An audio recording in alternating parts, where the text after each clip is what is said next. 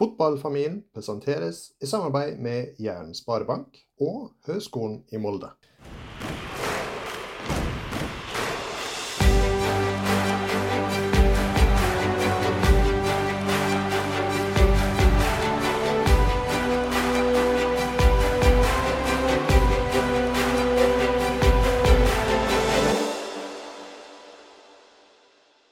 Velkommen til Fotballfamilien, en podkast for deg som er glad i fotball.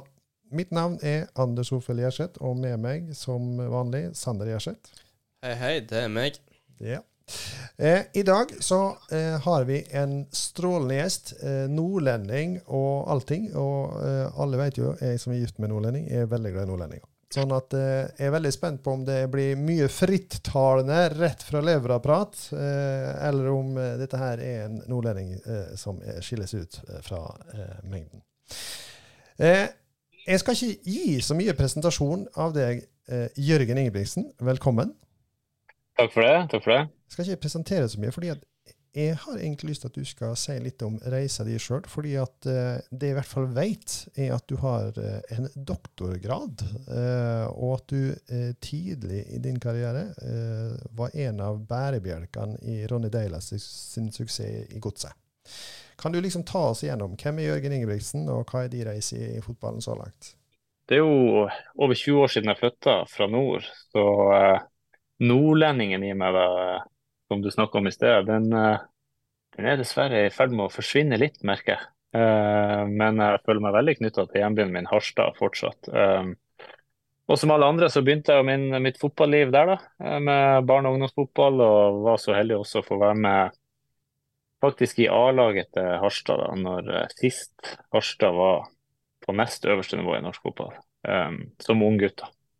Og det var veldig spennende. og eh, skulle nok, eh, og hadde sikkert lyst da i den tida til å kunne leve av fotballen som fotballspiller, men det, reelt sett så var jeg nok aldri god nok til det. Så min vei inn i det profesjonelle fotballivet det ble etter hvert eh, akademia. Og eh, jeg hadde seks-sju fantastiske år i, i, universitetsmiljøet i Trondheim, NTNU, som er tett på Olympiatoppen der. Eh, som var veldig spennende. Eh, og ja, trigga lysta til å prøve å gjøre idretten, men fotballen spesielt, da, til et levebrød videre. Og interessen var helt, fotballinteressen var der hele tida. Når jeg fikk en mulighet da, til å ta en doktorgrad med fotball som, eh, eh som fordypningsfelt, da, så var det veldig lett å si ja til det. Så da hadde jeg noen gode år 50-50 eh, i Bodø, eh, rundt universitetet og Bodø-Glimt faktisk der, da.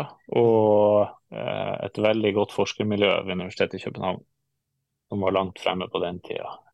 Og gjennom det da, så, så skaffer du deg mange kontakter, mange bekjentskaper, og får mange arenaer og treffer andre fotballinteresserte folk. Så da møtte jeg jo um, flere ganger en viktig brikke i Ronny sitt team i Strømsgodset, som du var innom. Uh, Håkon Lunov, som var assistent der da.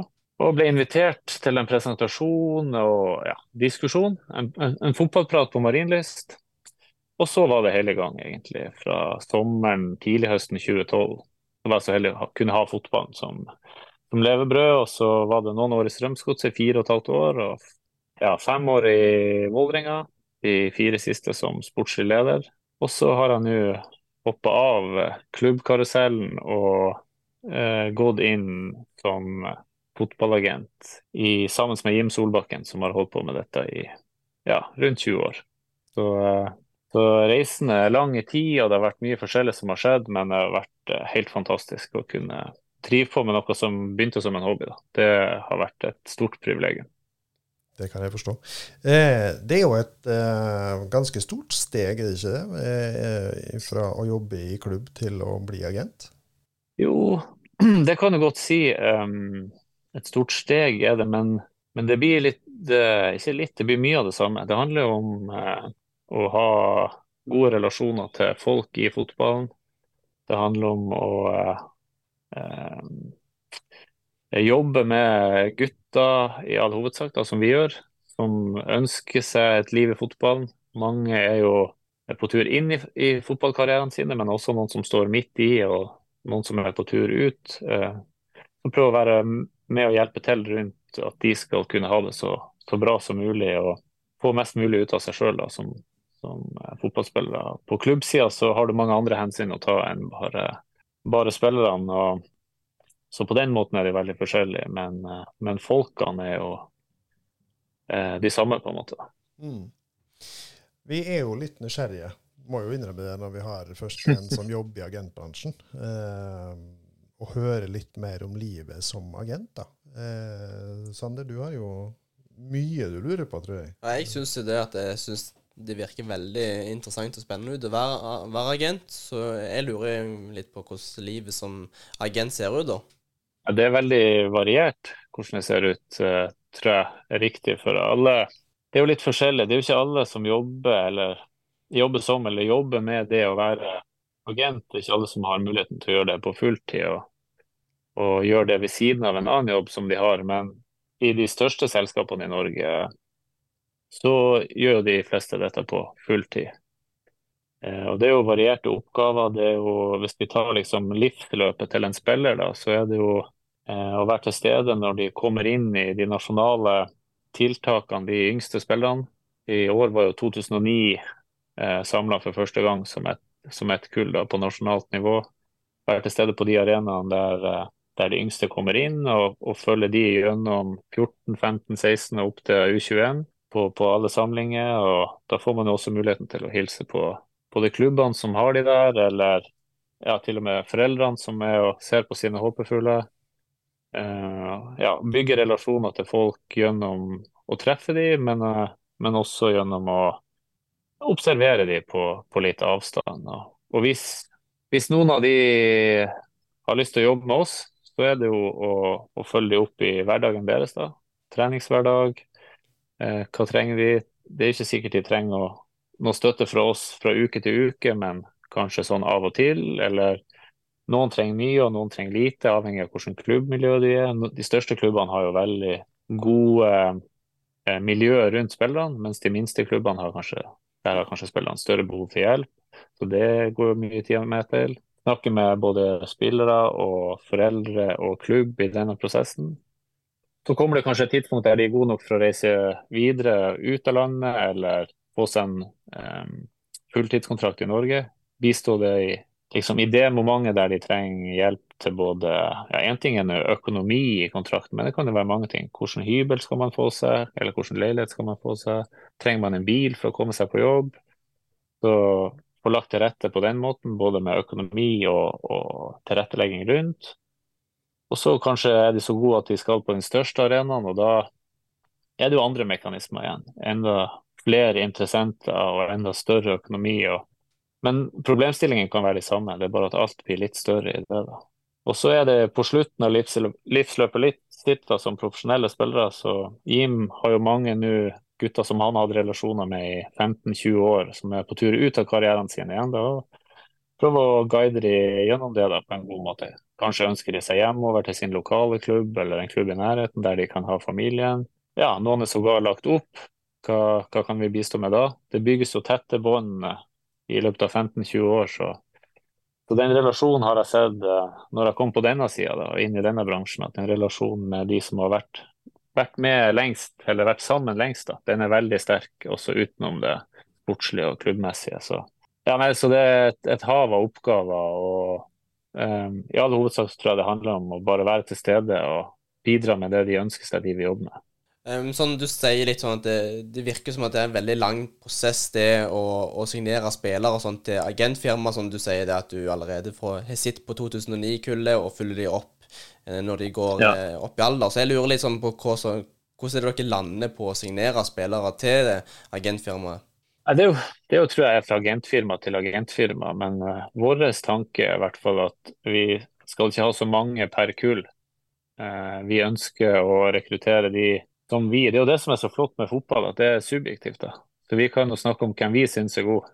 Uh, så kan noen, noen, helt andre bli veldig gode fotballspillere likevel. Men vi ønsker å rekruttere de vi tror kan bli gode fotballspillere. Som kan få gode karrierer og være med og hjelpe dem til det. da. gjennom eh, den samla erfaringa jeg og Jim har, eh, både med å trene og utvikle spillere og hjelpe dem videre i karrieren og få dem ut til utlandet. Så, så det er det segmentet av spillere vi ser eh, sted på.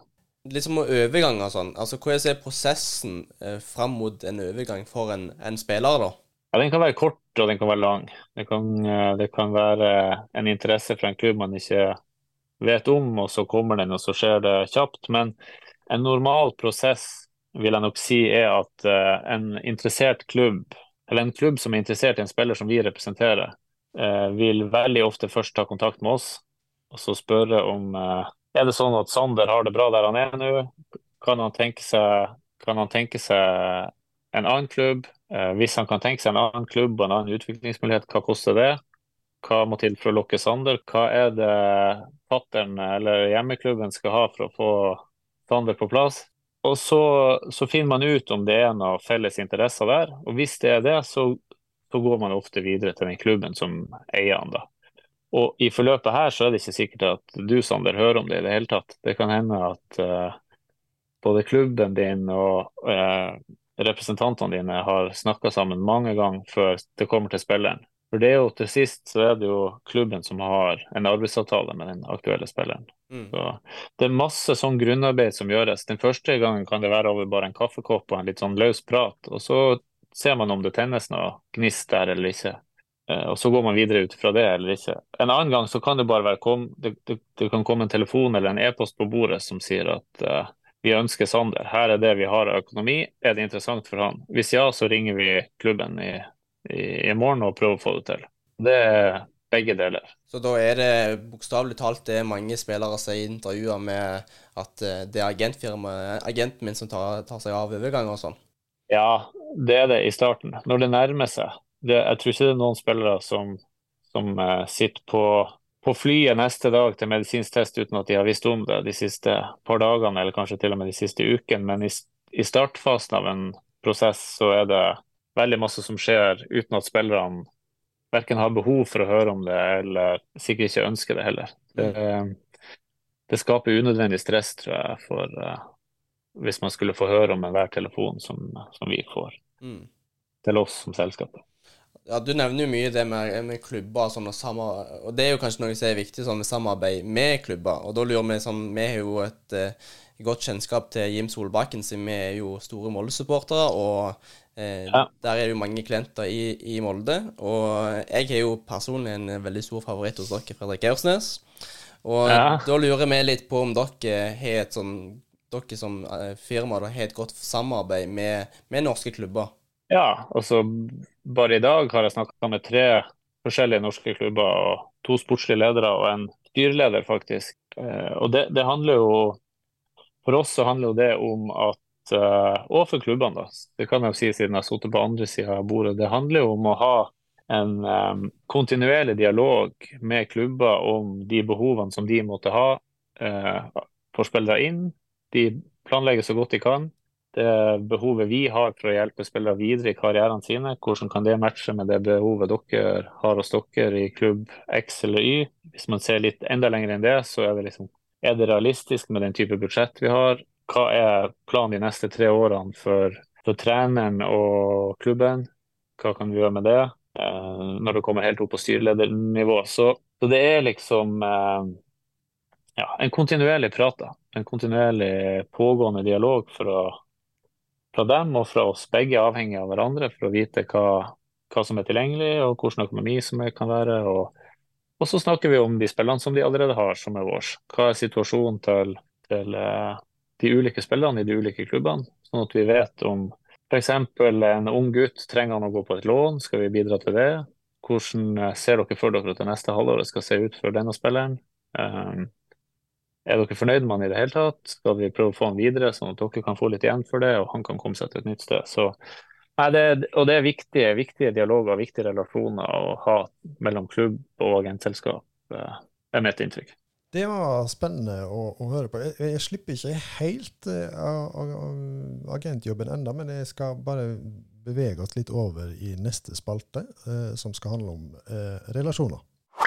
Spalten presenteres i samarbeid med Jæren sparebank. Det er som vi sier det på Jæren. Det er jabbene som drar. Eh, litt av hovedmålet vårt for podkasten har vært eh, å se på det med relasjoner, som sagt. Og nå har jeg jo bitt meg merke i at siden eh, du fikk ordet, så har ordet relasjoner vært eh, rimelig tett eh, nevnt. Eh, hva, hva, tenker du på sånn umiddelbart når du hører og bruker ordet relasjon? Ja, Det er et veldig godt spørsmål. og det kan jo, En relasjon for meg kan jo være noe annet for en annen. Eh, på andre sida av det som jeg oppfatter som en relasjon. Eh, men eh, altså en, en, relasjon for meg, det er, det er, det hele. Det er det som tar energi, eller det som gir energi. Det er, ingen, det ingenting som kan ta en energi fra meg eller gi meg energi. dette Jeg ble veldig glad i både begrepet og tanken om relasjonen da jeg begynte å jobbe i i Strømsgodset i, i, Drammen da, i 2012, de hadde jobba med dette i flere år. Det å bygge relasjoner og ja, være sammen om det de drev med. da. Eh, og var veldig tydelig på dette. Det var en sånn øyeåpner for meg, dette, at du må huske på at det er relasjonen som tar eller gir energi, Jørgen. Du må passe på den. Så For meg er en, en relasjon det er en, det er en, åpen kommunikasjon, en ærlig kommunikasjon, der man er, viser respekt for hverandre og er ydmyk for hva den andre kan og hva man sjøl kan bidra med i relasjon, og at begge ønsker den andre parten det beste. Det er en god relasjon for meg. Eh, og en relasjon som ikke inneholder disse tingene, det er en dårlig relasjon. Eh, sånn at eh, jeg prøver i hvert fall å være bevisst på de tingene når jeg, når jeg knytter bekjentskap og prøver å så godt jeg kan. Jeg er nok litt for dårlig på det, vil mange si. I hvert fall av de som er utenfor jobblivet mitt, og opprettholde relasjoner. Det, det syns jeg har vært utfordrende, og er utfordrende. da. At, uh, å holde en god relasjon, det må man investere i. Skulle ønske at jeg var enda bedre på det, da. Uh, ja, Nei, Så det er en relasjon for meg. Jeg liker jo at du åpner opp med å si at uh, det er veldig subjektivt òg, ikke sant. Vi, vi, kan gjerne ha noen sånn felles betraktninger, men det, det, blir jo litt sånn hva du sjøl legger i det. og mm. Hvis du tenker over i fotballen, da, for du har jo vært innom det i flere områder allerede. Hvilken rolle tenker du relasjoner spiller i fotball på ulike eh, plattformer?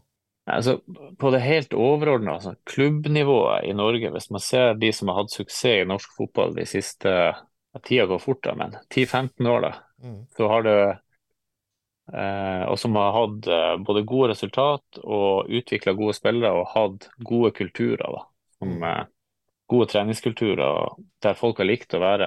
Så mener i hvert fall jeg da at en god relasjon i toppen av klubben har vært eh, eh, den viktigste faktoren. Se på den relasjonen som var mellom eh, Ronny Deila og Jostein Flo og Erik Espeseth, og sågar også eh, de som var enda lenger opp i Strømsgods i den perioden. Se på hvor tett eh, trenerne i Molde har vært med den daglige ledelsen i Molde. Se på hvor tett den triangelet i Bodø i dag er med Frode Thomassen og, og Håvard Sakariassen og Kjetil Knutsen. Altså, de har eh, etter mitt skjønn, alle disse partene en uendelig tillit til hverandre og et helt åpent forhold der uh, den beste ideen alltid vinner. Og at uh, relasjonen tåler alt gjennom at man ikke er opptatt av å fremme seg sjøl, men å fremme den beste ideen for å for å bli enda bedre enn det man er. Så det er liksom tror jeg mange klubber, Der tror jeg mange klubber Jeg er helt sikker på at mange klubber har masse å lære på mm. drifta og i toppen. Og så har jeg sett at gode relasjoner mellom trenerteam og spillere er det som setter mest fart på utviklinga. Også da en helt åpen og ærlig, egentlig kompromissløs, men sagt med et positivt fortegn. Kompromissløs eh, åpenhet i, i relasjonen mellom trener, spillerutvikler, assistenttrener, keepertrener og spillere kan sette, skape enormt mye energi. da, eh, Og sette skikkelig fart på karrierer som både har bremsa opp, eller som er i starten. Eh, men også eh, eldre spillere på kanskje karrierens høst, da, som har fått helt ny fart av å komme inn i nye relasjoner som gir de energi. da gjennom denne respekten og ydmykheten og deling av kunnskap. Og, så jeg, jeg, tror det betyr alt. Ja. og nå har jeg ikke engang begynt å snakke om det som skjer ute på banen. Nei. Så det er liksom neste kapittel igjen. da. Så, Mm. Men for meg er det alt i fotballen. Ja, og du, du har jo en tung akademisk bakgrunn, ikke sant? Så tenker jeg litt sånn, Mm. kanskje naturlig for å stille spørsmålet nå. Eh, ser du en stor forskjell i hvordan en forstår og, og bruker eh, kunnskap om relasjoner i forhold til det med å kun ha en hva skal vi kalle det, spillerbakgrunn når du går inn i en sånn type prosess, kontra det å ha eh, et team eller en, eh, en, at en sjøl har en sånn type akademisk bakgrunn med kunnskapsbase i bånn?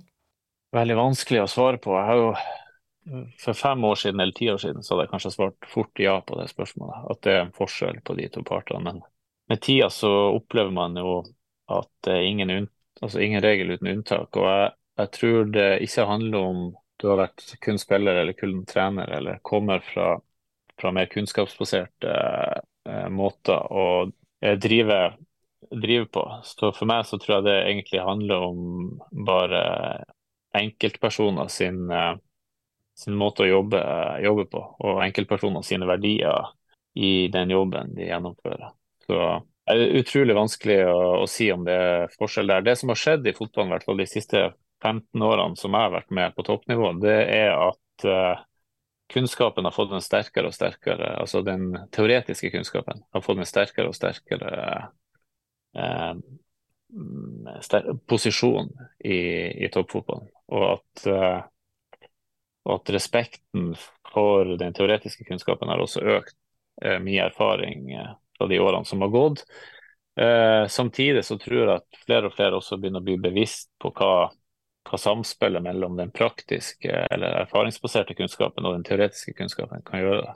Mm. Som, som til sammen kan bli en veldig, veldig god kompetanse. Så, så jeg tror at samspillet her er nøkkelen da, Mm. mellom de, de ulike kunnskapsområdene. Jeg syns jo dette er dritspennende, fordi at det, det Mm. korresponderer med mye med som sagt, eh, mitt eget virke, og, og som er utenfor fotball, men der også det handler veldig mye om relasjoner. ikke sant? Og der ser jo det at Vi sier jo ofte det at du kan ha mye gode metoder eller kunnskapsbasert kunnskapsbaserte tilnærminger, men hvis ikke du har den der relasjonen og, og tilliten og tryggheten og kjemien i bånn, så hjelper det ikke Mm. hvor flink du er. Og Det er litt Mm. sånn det jeg hører du si, at det, det, det, det er mange veier til rom, men du må liksom ha Mm. den der eh, relasjonen til hverandre på plass først og fremst. Ja, enig. Veldig bra. Som blir jo liksom naturlig, for du har jo vært litt sånn inne på det allerede. Du, du var jo en del av Ronny Deila sitt team, og, og trekker frem bl.a. Eh, den, det teamet som på en måte er et av eksemplene for eh, betydning av relasjoner for å lykkes. Eh, men Mm. så var det jo ikke mange av de samme som også dro videre til VIF, hvor eh, det er også sånn, ganske Mm. nylig har vist seg at eh, også Fagermo, som på en måte bygde et veldig sterkt team i Odd, også på en måte møtte veggen. Hva, hva var de største forskjellene på, på tida i, i Godset og VIF, og hva er det som gjør at det var lettere å lykkes i Godset enn i Vålerenga? Ja, det har jeg brukt mye tid på å tenke på. Veldig mye tid på å tenke på. Um, det som i hvert fall var et faktum, det var at uh, Ronny og teamet de hadde vært på en uh, reise sammen med noen nye tilskudd og noen som hadde datt på veien. Men kjernen i Ronnys team hadde vært sammen allerede siden 2008. Um, og det kom et cupgull i 2010, og så kom det en sølvmedalje i 2012, før gullet endelig kom i 2013. Uh, og det er noen år. Og så vet jeg at Ronny allerede i sin første periode som Strømsgodset-trener var den eh, krefter i Drammen som mente at Ronny ikke var flink nok til å kunne lykkes i, i Drammen. At han burde få gå eh, eller slippe å jobbe som hovedtrener, mens Jostein Flo tenkte det motsatte og sa at her, her ser vi noe bra, så vi gir han en ny avtale og viser at vi tror på han. Og den uh, tida de hadde sammen, bygde nok relasjonene sterkere og sterkere mellom Jostein og Ronny, og mellom uh, Jostein og Ronny og etter hvert Erik Espeseth, som også kom inn. Um, og det var ingen ut... Ja, min tolkning, da. Det var ikke så veldig store krefter på utsida av det triangelet som kunne påvirke retninga som ble tatt, og de valgene som ble gjort. Eh, når vi kom sammen til, til Vålerenga den gangen i 2017, eh, så var vi jo to i trenerteam, eh, det gamle trenerteamet til Ronny i tillegg til Ronny sjøl og Erik Espeseth som daglig leder.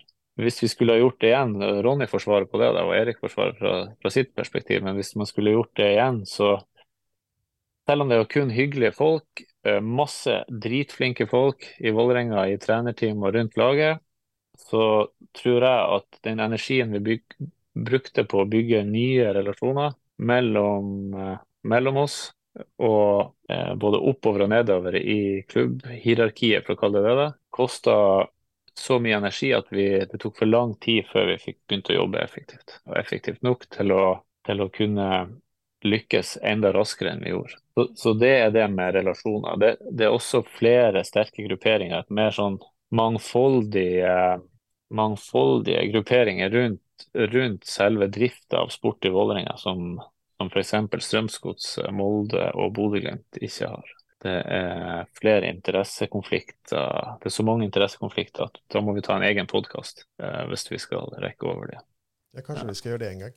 Eh, ja, så, så, det kan vi godt. ja, så, så, det du egentlig sier, at det eh, Nå blir det litt sånn veldig forenkla, selvfølgelig. men på mange måter så er det en slags klubbkultur som er mye mer kompleks og vanskelig å lykkes ut ifra i forhold til de andre klubbene som der er mer sånn homogen og tydelig retning, eller? Ja, det er min opplevelse. Det er ja, min opplevelse. Er det da på en måte litt sånn uh, vanskelig å si fra utsida, men er det kanskje det som fortsatt da på en måte er, er utfordringene i vi får si de type klubber, for vi ser jo også i Trondheim så har de jo uh, det er lett å tenke på det, ikke sant? Jeg husker jo, vokste jo opp og, ble grå i håret skulle jeg tidlig over alle gullene som havna i Trondheim i stedet for Molde. ja. eh, og det var jo ganske enkelt, eh, må vi jo si, si at uh, uten Eggen så hadde jo det neppe skjedd. Uh, og han hadde mm. jo en sånn posisjon og var så sterk skikkelse at alle Altså Hvis det ble på en måte splid, så sa han ifra, og så ble det på en måte samling i bånn likevel. Når han forsvant, så blir det jo på en måte et veldig hull, da. Jeg tror at det er veldig altså mer sammenlignbart enn man Selvfølgelig Nils Arne Eggen er jo en fantastisk eh, eh, figur, men også en fantastisk trener, åpenbart, med tanke på de resultatene de oppnådde sammen i Trondheim. Da. Mm. Han sjøl var jo veldig opptatt av relasjoner, eh, og kanskje, kanskje, var han eh, litt svart-hvitt utad eh, for å forenkle ting for oss andre som så dette fra utsida. Men de relasjonene som han hadde til de som var tettest på seg, Skutle f.eks., mm eh, og, og, andre som var tett på han, de var kanskje ikke mer enn to-tre der heller, som tok mm. alle beslutninger og gjorde alle eh, altså vurderinger og, og, og, all planlegging sammen. da, og og etter at uh, Eggen forsvant, så kan det se ut som fra utsida at flere stemmer snakker høyere i Trondheim, og at det mm. dermed kan bli vanskeligere å stake ut i retning enn det var i den perioden han var der. Jeg tenker litt sånn, Før vi beveger oss eh, videre fra relasjoner, så har har jeg, lyst til på en måte bare å spørre deg òg om eh, der du er nå. da, fordi du, du, har jo flere ganger som sagt allerede nå sagt at mye av jobben din handler om på en måte å bygge relasjoner helt ifra ungene tar den første steget ut på den internasjonale arenaen eller samles for eh, talentsamlinger. Hva, hva, vil du si er den viktigste jobben for en agent da, eh, for at ikke bare spilleren sjøl eh, skal ha forutsetninger for å lykkes, men, men, det er jo et stort apparat og hjul ikke sant? uten at klubbene får noe igjen for, eh, for at de utvikler spillere, så vil jo eh, ting stopper opp. Det er sånn som jeg snakket med Espen Eskås. Uten dommere stopper fotballen, men uten mm. klubber og, og, klubber som utvikler spillere, så stopper det jo òg opp. Så det er liksom sånn, du, du, du, står jo i en spagat hvor du skal både ivareta en klubb som skal selge et produkt, eller ha produktet lenge nok til at de faktisk får noe igjen for det der òg. Du skal bygge ja. relasjoner til spilleren og til familien. og ja, det, det, det høres ganske komplekst ut. Ja, og jeg er jo veldig fersk i gamet. Jeg har jo bare jobba med dette et, et, år, så om et, om et, år får dere sikkert et annet svar enn det jeg er i stand til å gjøre nå. Men, eh, og det, det, oppleves komplekst. Og det som er veldig klart, og som jeg, eh, som jeg sa på en annen podkast jeg var med for et par dager siden, det er at eh, vi som agenter må være veldig klar over at vi bare har en liten rolle i dette, i dette samspillet. Altså, for det første så er det en gutt eller en jente som har holdt på i flere år før vi kommer inn i bildet, som regel, da, og hatt god støtte hjemmefra. Og jeg er veldig pro den norske idrettsmodellen, så å få rosa foreldre nok, det er vanskelig. For den jobben som gjøres av foreldre rundt i Idretts-Norge, den er helt unik og enormt bra. Eh, og så kommer det etter hvert klubber og klubbmiljø inn her, og uten klubbene og klubbmiljøene så hadde det blitt veldig få spillere som hadde lyktes. Mm. Det er alt ifra å kunne gi banetid til Vesta til også helt til det faglige påfyllet. Og det er veldig mange flinke trenere, og andelen eh, heltidsansatte trenere eh, Disse tallene kan NTF, så vi burde ha spurt i dem, men det har mangedobla seg bare siden 2015-2016 hvor mange som jobber med fotball på heltid. og Det er klart at det gir jo en helt annen kunnskapsspredning ja, i, i, tidlig alder og helt opp til voksenfotballen enn det vi har hatt før i Norge.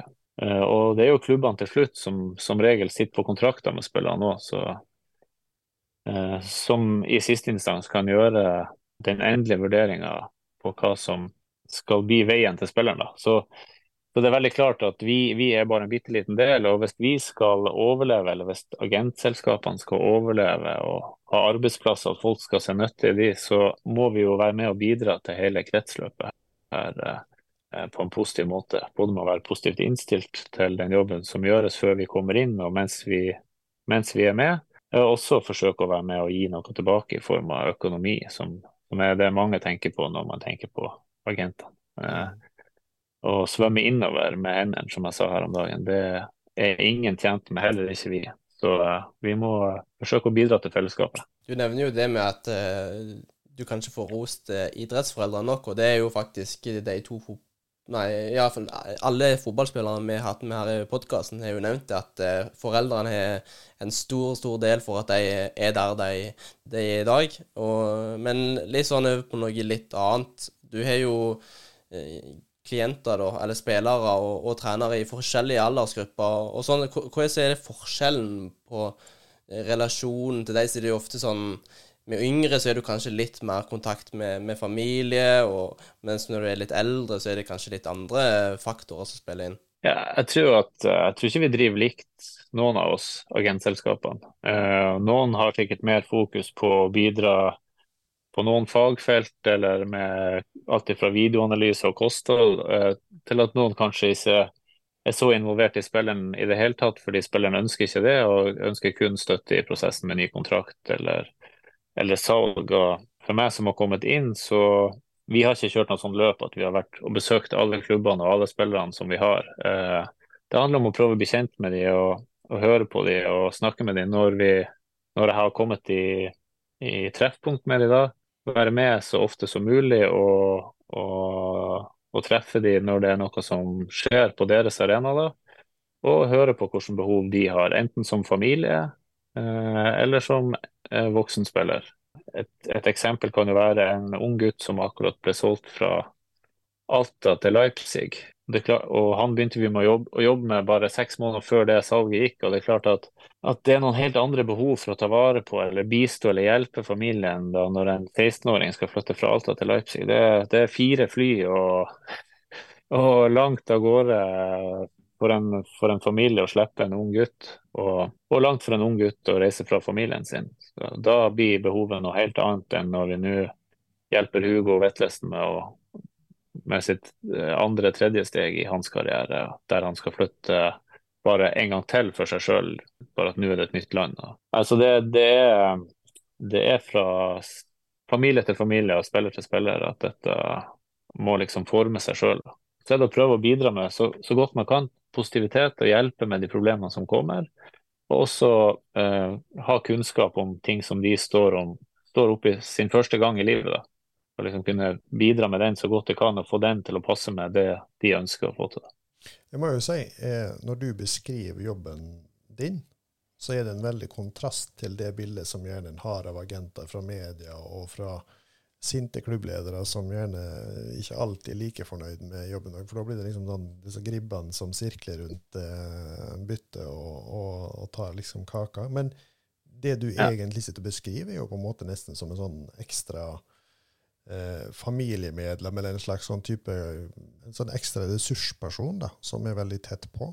Ja, altså jeg tror det kan være både familiemedlem og ressursperson. Det er jo, som jeg var innom i sted, Jim som har jobba med spillere i mange, mange mange år, eh, der spillere er på tur ut av karrieren sine. og og der han har kjent dem siden de var 14-15. Og sånn blir det sikkert for meg etter hvert òg. Du får jo vært med på alle de nye tingene i livet. Første gang du skal flytte, første gang du skal få en proffkontrakt, kanskje den første kjæresten du får deg, kanskje får de barn mens de er langt fra familien sin.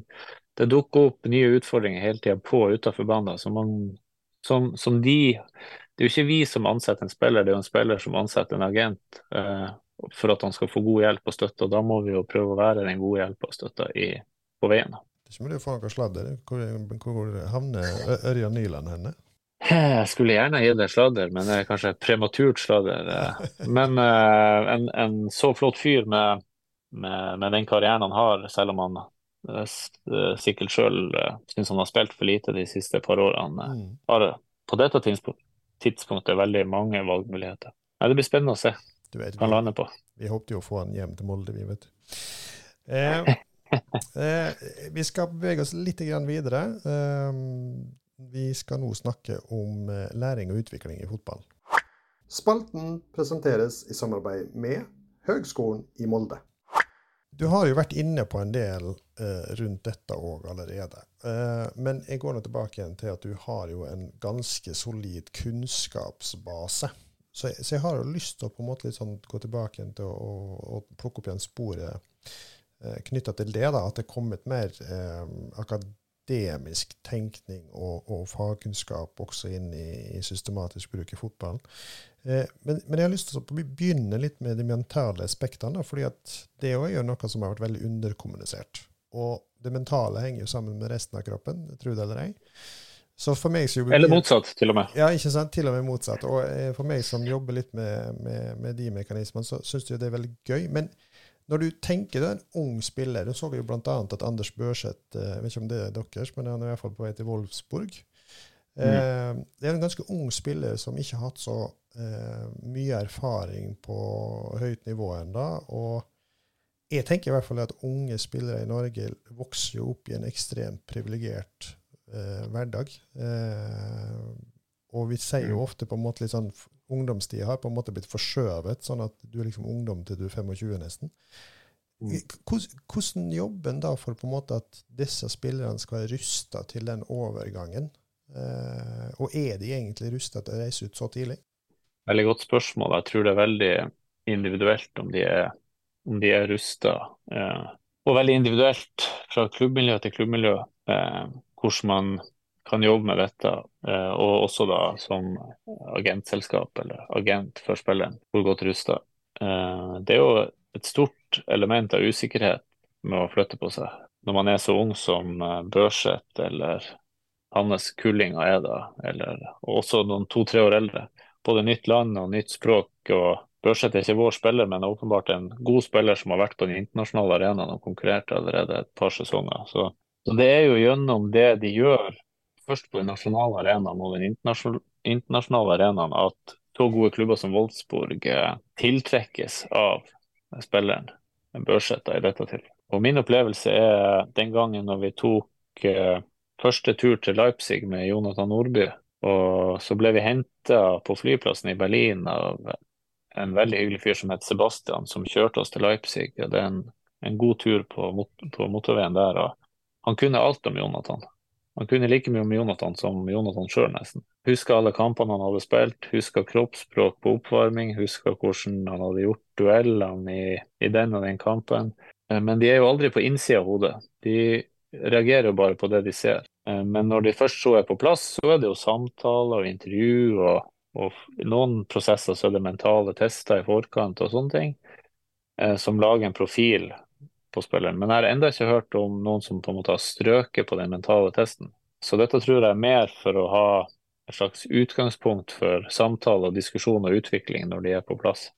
Men, eh, men, det er kanskje det siste fagfeltet vi ikke har ordentlig kontroll på. det. For alt annet kan jo veldig lett måles og testes, både i kampen og i isoler mer isolerte situasjoner. Så jeg tror det kommer til å skje masse her de neste årene.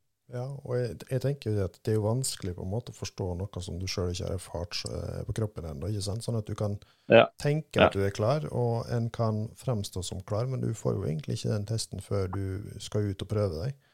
Og det som er mitt inntil, Grunnen til at spørsmålet mitt kommer, er selvfølgelig innlysende at jeg, jeg, jeg, har ingen statistisk eh, oversikt over hvem som har lykkes tidlig og ikke, men inntrykket mitt er jo at det er flere av de som er tålmodige og tar liksom dette her steg for steg, enn de som reiser ut tidlig, som på en måte tar de eh, største stegene, og som til slutt lykkes veldig godt. Jeg syns et godt eksempel eh, med Sander, som trekker frem Fredrik Aursnes, som jeg syns burde være et nesten Mm. skoleeksempel for unge spillere i hvordan du eh, tar stegene.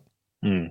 Ja, altså jeg, jeg husker jo veldig godt Fredrik Aursnes fra han debuterte i Hødd, egentlig. Mm. Og han har jo prestert på et veldig høyt nivå i ti år allerede, til tross for at han ikke har blitt 30 ennå. Mm. Eh, så, eh, så han kan nok være et veldig godt eksempel. Eh, og så er jo kanskje Martin Ødegaard, da, som jeg var heldig å jobbe med i Drammen, og, og Erling Haaland eh, slags eksempel på det motsatte. De kom tidlig inn i voksenfotballen i Norge, og var gjennom det klar for å ta steget ut av landet. De skal, altså Mart, Både Martin og Haaland eh, skaffa seg noen eliteseriekamper, men de var jo ikke erfarne eliteseriespillere på samme måte som Fredrik var når han reiste. Så, så jeg er usikker på om det er noe, noe fasit her. Nå har jo Håvard Nordtvedt begynt å jobbe hos oss eh, sammen med Jim òg, og han, han reiste vel til London i en alder av 17 allerede. Mm. Eh, og fikk seg en karriere på 15-16 år ute i,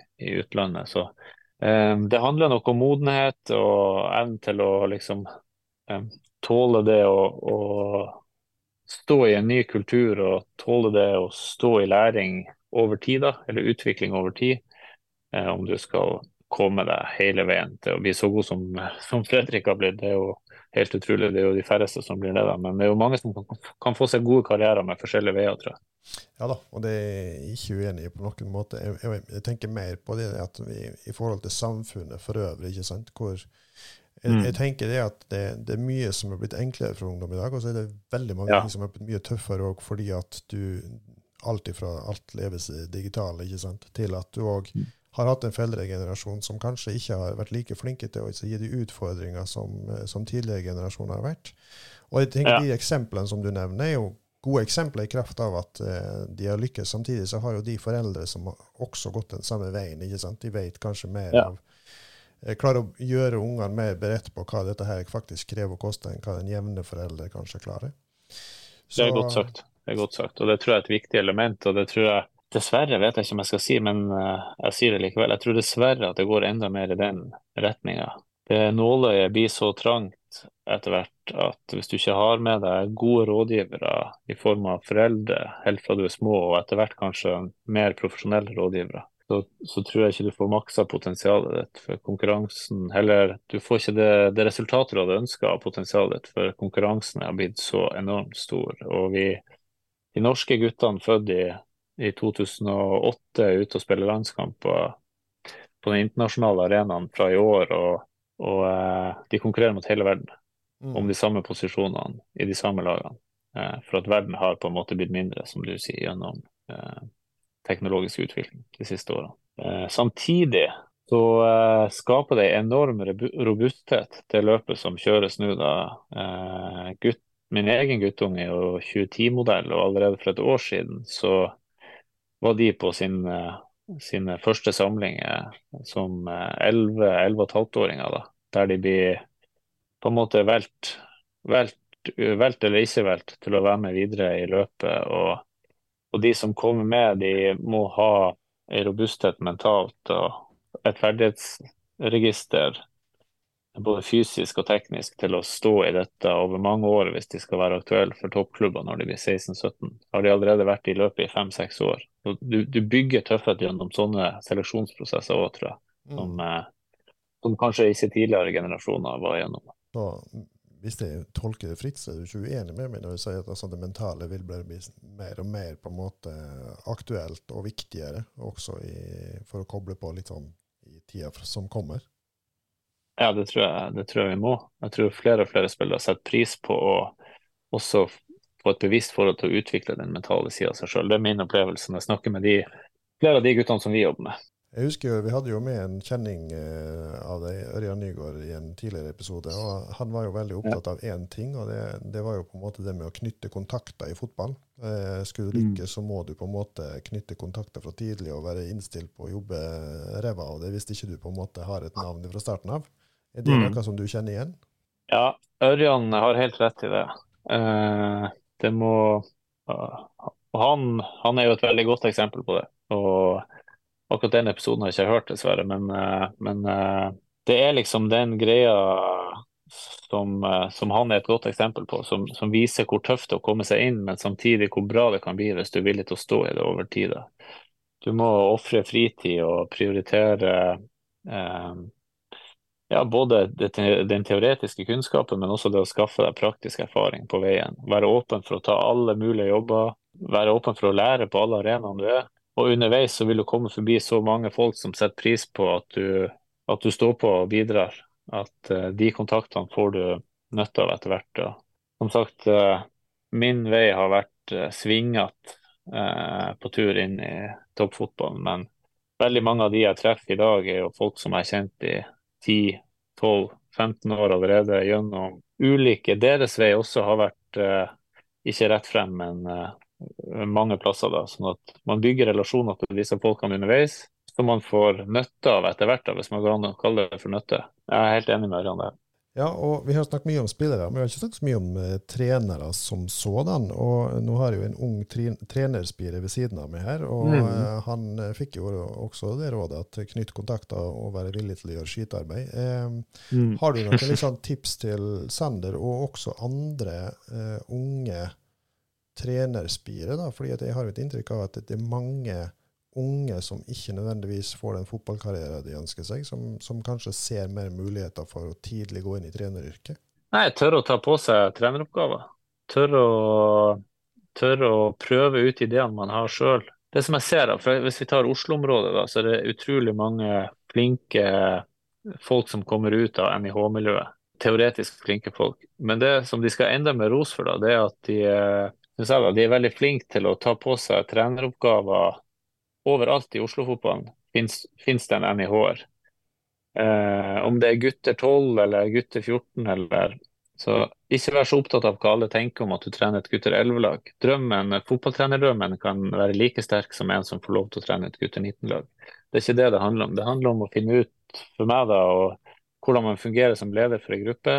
Hvordan, hvor flink man er til å planlegge en aktivitet. Hvilke relasjoner man klarer å bygge til de utøverne som man jobber sammen med Uh, og hvis man ser at man er klar for neste, så får man en ny mulighet, for da vil noen andre se det òg. Eh, så det handler egentlig kun om å stå på og gi alt, være godt forberedt og gjennomføre og gi energi i relasjonene som man har. Ja, Gode råd. God råd. OK, vi skal um, begynne å gå litt inn for landing. Men eh, hvordan har det vært å være med i denne poden? Du har vært med i noen, har jeg hørt? Nei, jeg syns det har vært fint.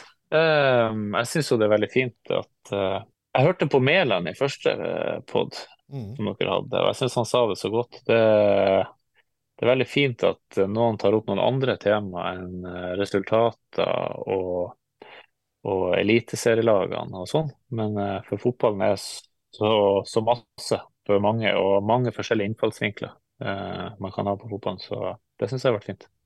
Kjempebra. Eh, har du noen råd til oss på veien videre, og gjester vi bør snakke med, tema vi bør løfte opp? Ja, godt spørsmål. Det, er kjempemange gode utviklingsmiljøer i Norge nå.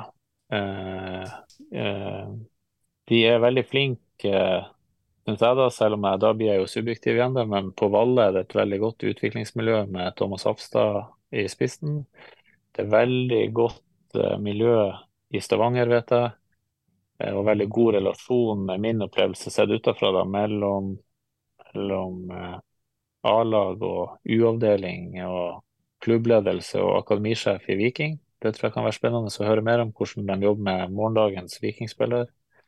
Eh, så kanskje ja, fornøye meg med de to, da. Men eh, det, der tror jeg det er masse spennende å høre. Det skal vi ta med oss videre. Vi har faktisk et veldig ønske om å snakke med en toppspillerutvikler, blant annet, som vi ikke har gjort ennå. Mm. Mm. Vet du hva, det, dette var bra. Har du noe du har lyst til å si eller spørre om på tampen, junior? Nei, ikke noe Nei? godt. Du føler du har fått de svarene du trenger? Ja. Veldig bra. Da skal vi bare si tusen, tusen hjertelig takk, Jørgen, for at du stilte opp uh, på en uh, vakker sommerdag. Jeg vet ikke hvor du befinner deg i verden. Du sitter i Asker, og her er det så varmt at jeg sitter inne. Ja. Så det er helt topp. Tusen takk for at jeg fikk være med. Det var veldig artig, og lykke til videre med en flott podkast. Tusen hjertelig. Da skal du ha en siste oppfordring til våre lyttere, som alltid. Følg dere på sosiale medier, og abonner på oss der dere hører på podkast. Glimrende. Da eh, takker vi for følget for denne gang, og er snart tilbake med en ny episode. Takk for nå.